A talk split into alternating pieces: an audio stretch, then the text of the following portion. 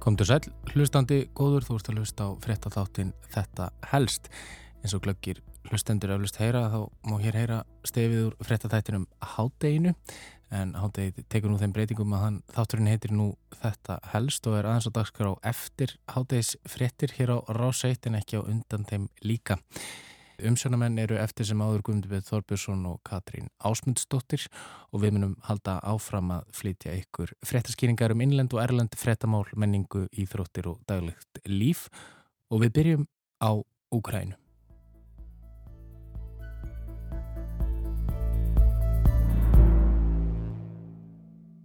Þann 12. februar síðastliðin fór fram úrslita kvöld Vít Býr söngakeppninar í Úkrænu. Vít býr er útfærsla þeirra úkrænumanna á söngvakeppninni svo kulluðu með stóru essi þar sem íslenskt tónlistarfólk keppir um að fá að vera fulltrúi Íslands í söngvakeppni Evróskra sjómarpstöða Eurovision.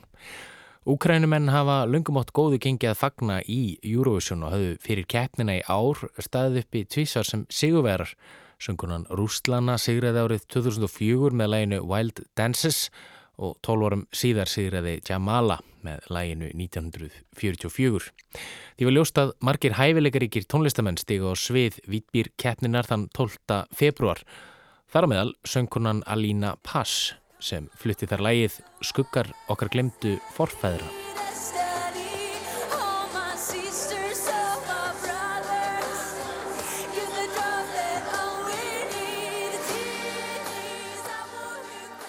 Og Alína Pass stóð uppi sem sigurveri þetta kvöld, en hún átti þó ekki eftir að verða fulltrúi Úkrænu í Eurovision. Úkrænska ríkisútvarpið, Susplín, hafi fengið veður af grunnsamlegum ferðalögum Alínu Pass árið 2015. Ferðalegið var til Krímskaga og í gegnum landleiðina frá Úkrænu. Krímskagi er skagi sem tegir sig út í Svartahafið og tilherði Úkrænu fram til ásins 2014 þegar rússar innlimuðu krímskaga í kjölfar mótmælaöldu í Úkrænu, mótmæla sem síður átt eftir aðra kveikjan að stríðinu í Donbass milli Úkrænumanna og rúsnenskra aðskilnaða sinna. Stríði sem hófst átta árum áður en rússar reyðust inn í Úkrænu fyrir tæpjum þremur mánuðum. Já, Alína Pass gerði sér ferð til krímskaga árið 2015 og það er, samkvæmt þá nýsettum úkrænskum lögum, lögbrót vegna þess að hún fórþangað í gegnum Úkrænu. Yfirgnefandi meiri hluti íbúa á Krímskaga skilgreinir sig sem rússa og voru hlindir innlimun landsvæðisins inn í Rúsland og því var heimsókn alínu pass til Krím saman hverju tilgangur þeirrar heimsóknar var litin alvarlegum augum. Svo alvarlegum í raun að Sigur hennar í Vítbýr söngakeppninni var afturkallaður. Hún myndi ekki verða fulltrúi Úkrænu í Eurovision á stóra sviðinu í Tórinu. Picasso's doll is the divine strategy. And my childhood girls played with toy dolls, but I wrote these words here, cause my favorite toy was a book of Shakespeare, just like the brothers... Alína Pass veriðist þó ekki hafa ert þessa ákvörðun eins og við komum stað síðar í þessum pisli. En hvað gera bændur þá? Hver skildi verða fulltrúi Úkrænu í Eurovision? Jú, gott silfur er gulli betra, segir máltækið og þjóðlega skotna rapsveitin Kalush Orkestra sem hafnaði í öðru sæti undan keppninar tók sæti Alínu. Þeir hefðu flutt lægið Stefania í undan keppninni og í raun orðið hlutskarpastir í símakostningunni. Alína Pass hafði hins vegar hlotið náð fyrir augum domnemdar. Þann 22. februar var svo tilkynnt að Kalush Orkestra erði fulltrúi Úkrænu í Eurovision.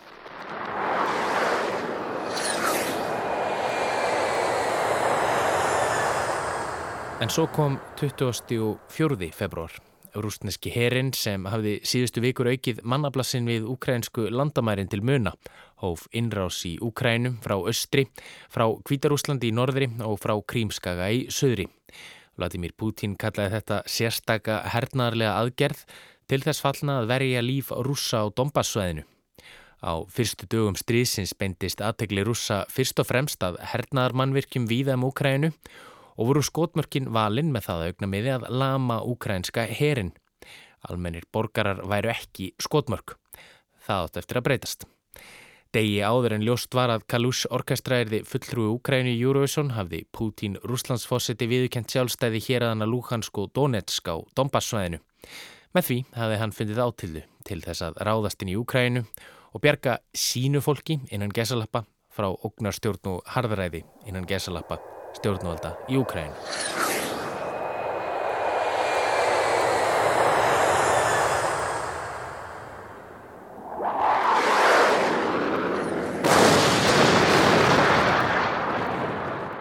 Stríðið í Ukrænu hefur staðið yfir í um tíu vikur, miklu, miklu lengur en nokkur þorði að vona. Þorði að vona, segi ég, já því bæði Vladimir Putin og helstu sérfræðingar í hernarmálum heldu að rússar myndu fljótt og öruglega valta yfir Ukrænu og hernema hvað það svæði sem þeir vildu. Það reyndist ekki raunin. Diggilega stuttir af ríkjum á Vesturlöndum hefur ukrænski herin og varlið hans varist innrás rússa hetjulega. Þetta vitum við öll en svo barata hefur greitt dýru verði. Stjórnvöldi Úkrænu áallað alltaf 25.000 almennir borgarar hafi verið myrtir af rúsnanska hernum frá því að innrásin hofst og yfir 3.000 hermenn. Stjórnvöldi í bandaríkunum telli að mannfall úkrænska hersin sé enn meira, alltaf 11.000. Þá telja breytar og bandaríkjumenn að vel yfir 15.000 rúsneskir hermenn hafi dáið sömu leiðis en stjórnvöldi í Úkrænu telja mannfall rúsneskra hermana vera 30.000. En það er eins einn hliðin á þessum. Borgir og bæir hafi verið lagðir í rúst. Í bænum Bútsja skamt frá höfuborginni Kíef fundust lík yfir 400 almennara borgara í byrjun april. Þar af yfir 30 börn. Mörg líkana voru limlest og rannsóknir sína að börnum hafi verið nöðgað áður en þau voru myrt. Hafnarborgin Mariupol sem hafi síðustu árgengt mikilvægur hlutverki í efnahagslífi Úkrænu hefur verið lagð gjörsamlega í rúst. Þar byggu áður tæplega hálf miljón manna en aðeins nokkur týjir þúsunda eru þar enn. Þar á meðalinn í henni gríðarstóru Asofstal stálverksmiði sem er eini hluti borgarinnar sem er ekki enn á valdi rúsa. Þar hefst fólk við, meiri hlutin særðir hermen við Ídlan legg. Þá hafa voðaverk rúsnarska hersins í Úkrænu hleft af stað mestast draumi flóttamanna inn í Evrópus síðan í síðari heimstyröld. En yfir 6 miljónir Úkrænumanna hafa flúið land og þriðjungur þessar 40 miljón manna þjóðar er á vergangi inn í Úkrænu. Stefania, mamo, mamo, Stefania,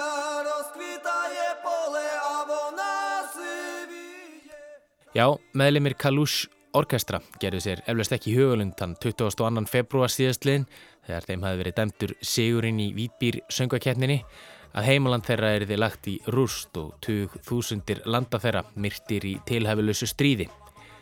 Hvers virði er þáttaka í Eurovision við hliðin á slíkum hryllingi?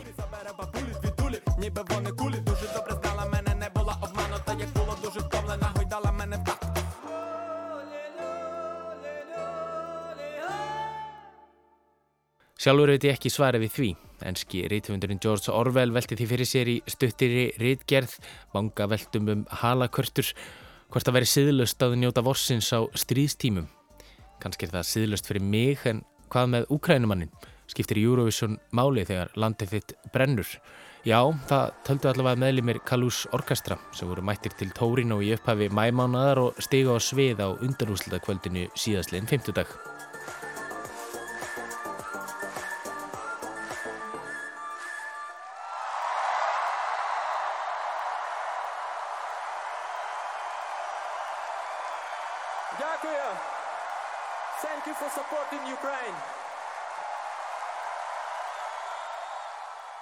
Gríðarleg fagnæðalæti brutust út í höllinni að loknum flytningi Stefáníu og skilabóð rapparans Olegs Pítsjúk til áhörunda og þeirra miljóna sem horfðu heima í stofu voru einföld. Takk fyrir að steyðja Úkrænu. Og viti menn, Kalús Orkestra treyði sér farsiðilinn á úslutakvöldið.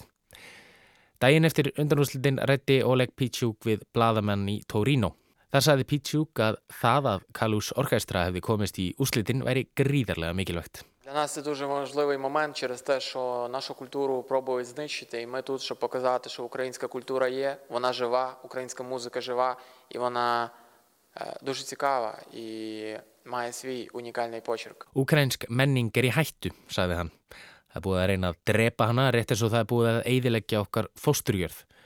En við erum komin hingað til þess að segja að ukrainsk menning er á lífi. Hún er einstök og hún á erindi við íbúða Evrópu.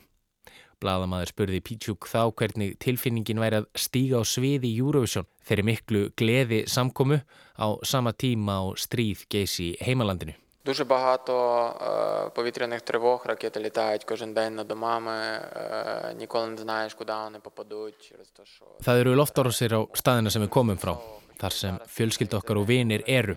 Þau veit ekki hvernig loftskipti sprengir húsi þeirra í tætlur. Þetta er þetta mjög stressandi en við einbyttum okkur að því að æfa okkur hér og undibú okkur fyrir lokaketnina. Українську музику, ми хочемо, щоб на Україну і на українську музику звернули увагу всі. Við erum einbættir að því að koma okkar bóðskap til skila og segja fólki frá því hver einstök og falleg ukrainsk menninger, sagði Pítsjúk. Fyrir keppnina þótti Kalús orkestra Sigurstrangleir. Plestir veðbankar veðið og Sigur þegar í keppninu endar stuðningur við Úkrænu mikillum gjörfalla Evrópu. En líkt og flestir Íslandingar vita vega atkvæði domnemda í hverju landi, jafnþungt og atkvæði almennings og því ekki á vísan að róa þar. Stjórnendum Eurovision hefur verið tíðrætt um að keppnin sé ekki pólitísk keppni og eigi ekki að vera vettvangur pólitísks áróðs. Keppnin var fyrst haldinn 1951 en hún var sett á laginnar í kjölfar stríðsloka með það aukna með að samina sundraða Evrópu. En það verði ekki alltaf gengið eftir að halda pólitíkinni utan við Eurovision. Árið 2015 var nafni framlags Armenna breytt þar sem upphæflegi titill þess var ákall til alþjóðsamfélagsins sem að viðurkenna þjóðarmorð Tyrkja og Armennum í fyrir heimstyrjöld. Árið síðar var uppi fótur og fyt þegar armenska söngkonan Iveta Mukuchian veifaði fánana Gorno-Karabakh, sjálfstjórnar hér að sem er viðurkent af alþjóðsamfélaginu sem hluti af Azerbaijan en hvers meiri hluti íbúa er armenskur. Og þá dró Georgia sig úr keppni árið 2009 en ári áður hafðu rússar ráðist inn í héröðin Abkassi og Suður Ossetíu í norður hluta Georgi. Framlag Georgiu það ár bar heitið We Don't Put In sem stjórnendur sambands evróskra sjómanstöða gerðu aðtöðsendir við en vísunin í fósetta Rúslands Putin er þar nokkuð augljós. Georgiumenn neituð að breyta tillinum eða textanum og dróðu því sig úr keppni.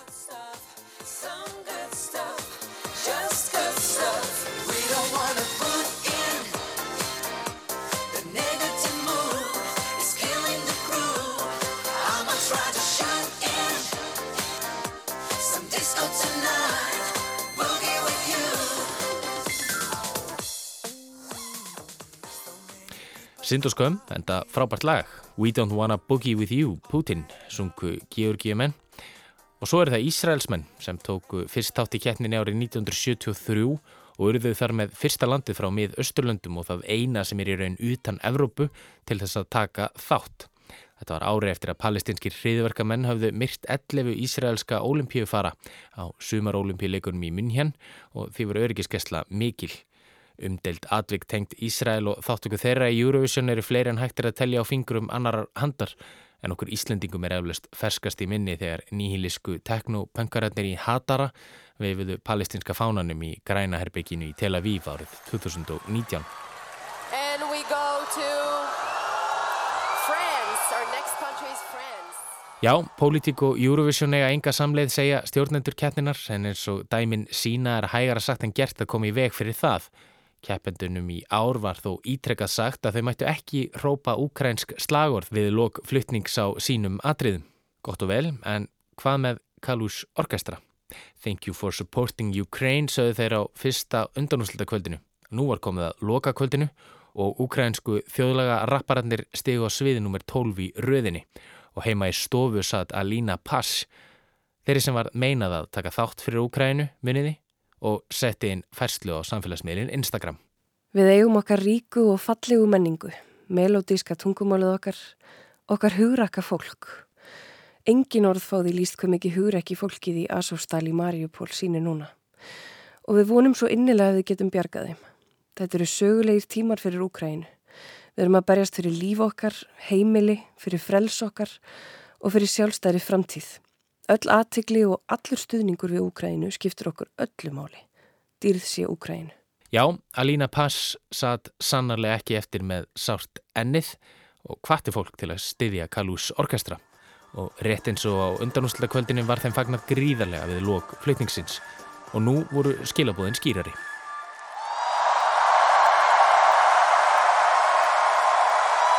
I ask all of you, please help Ukraine, Mariupol. Help Azovstal right now! Ég byrði ykkur öllum að hjálpa Úkrænu, hjálpið Mariupol, hjálpið Asostal, kallaði Oleg Pichuk og uppskar mikinn fögnuð. Já, hjálpið Mariupol, hjálpið Asostal. Þetta hefur verið sagt í nokkur tíma og nú á stóra sviðinu Eurovision. Heima í stofu fellir fólk tár og heldur svo áfram að njóta vorsins á meðan stjórnvöldi í Rúslandi murka lífið úr ukrainskum almenning. Aftur skiptir þetta einhverju máli. Meirum þá eftir en aftur að úrslutakvöldinu í Tórinu. En svo venja er fengu áhörundur heima í stofu fyrsta þeirra niðurstuður domnemda í hverju landi fyrir sig. Breytar og spánverjar skiptust á því að leiða en Úkræna var þó nokkuð ofalega hjá flestum. Langflest þeirra sem kynntu niðurstuður domnemda sinna þjóða voru nokkuð diplomatísk þegar Úkræna fekk 12 stig. En það er ekki sagt um pólskakynnin. Hello, Europe! Uh, we love Eurovision because it shows the strength and the power of music. And through music, we can be united. And this is a very important moment for all of us to stand together. And we stand with Ukraine. And it's my biggest honor to announce that tonight, this year, 12 points from Poland go to the country that impresses us with their bravery. But not only that, they impress us with their artistic creativity. 12 points go to Ukraine and Slava Ukraine! L'Ukraine, 12 points. Slava Úkraína, sagði þessi góða kona, dýrð sé Úkrænu. Já, skildi engan undra að pólverjar hefðu enga þólimaði fyrir reglum sambands euróskra sjómanstöða að pólitíka eitt ekkert erindi í Eurovision, en það engin þjóð tekið á móti jafnmörgum flottamönnum frá Úkrænu og Póland. Þetta voru fyrstu tólf stig Úkrænumanna þetta kvöld en ekki þau síðustu. Og svo komið að atkvæðum áhörönda heima í stofu. 439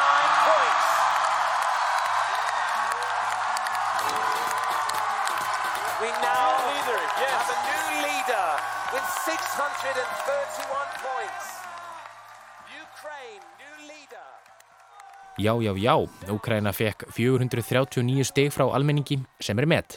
Sigurinn var á endanum nokkuð örugur. Úkraina er sigurvegari Eurovision 2022. Úkraina á haug og hjörtu Evrópu. Og aftur spyr ég, hvaða máli skiptir sigur Úkrainu? Hverju breytir hann fyrir fólkið í Mariupol og Asostal stálverksmiðinni? Jú, það skiptir vist máli á því er allavega Volodymyr Selenski, fórseti Úkrænu, sem sagði eftir sigurinn að hurökk í Úkrænu syndi sig nú hvarvetna. Ég er vissum að sigursöngur okkar mun líka heyrast brátt í Úkrænu í baráttu okkar við óvinnin. Hvort það eigi eftir að gerast áhensar eftir að koma í ljós. Eins hvort Úkræna fái haldið Eurovision á næsta ári. En það skiptir þó minnamáli. Stefán!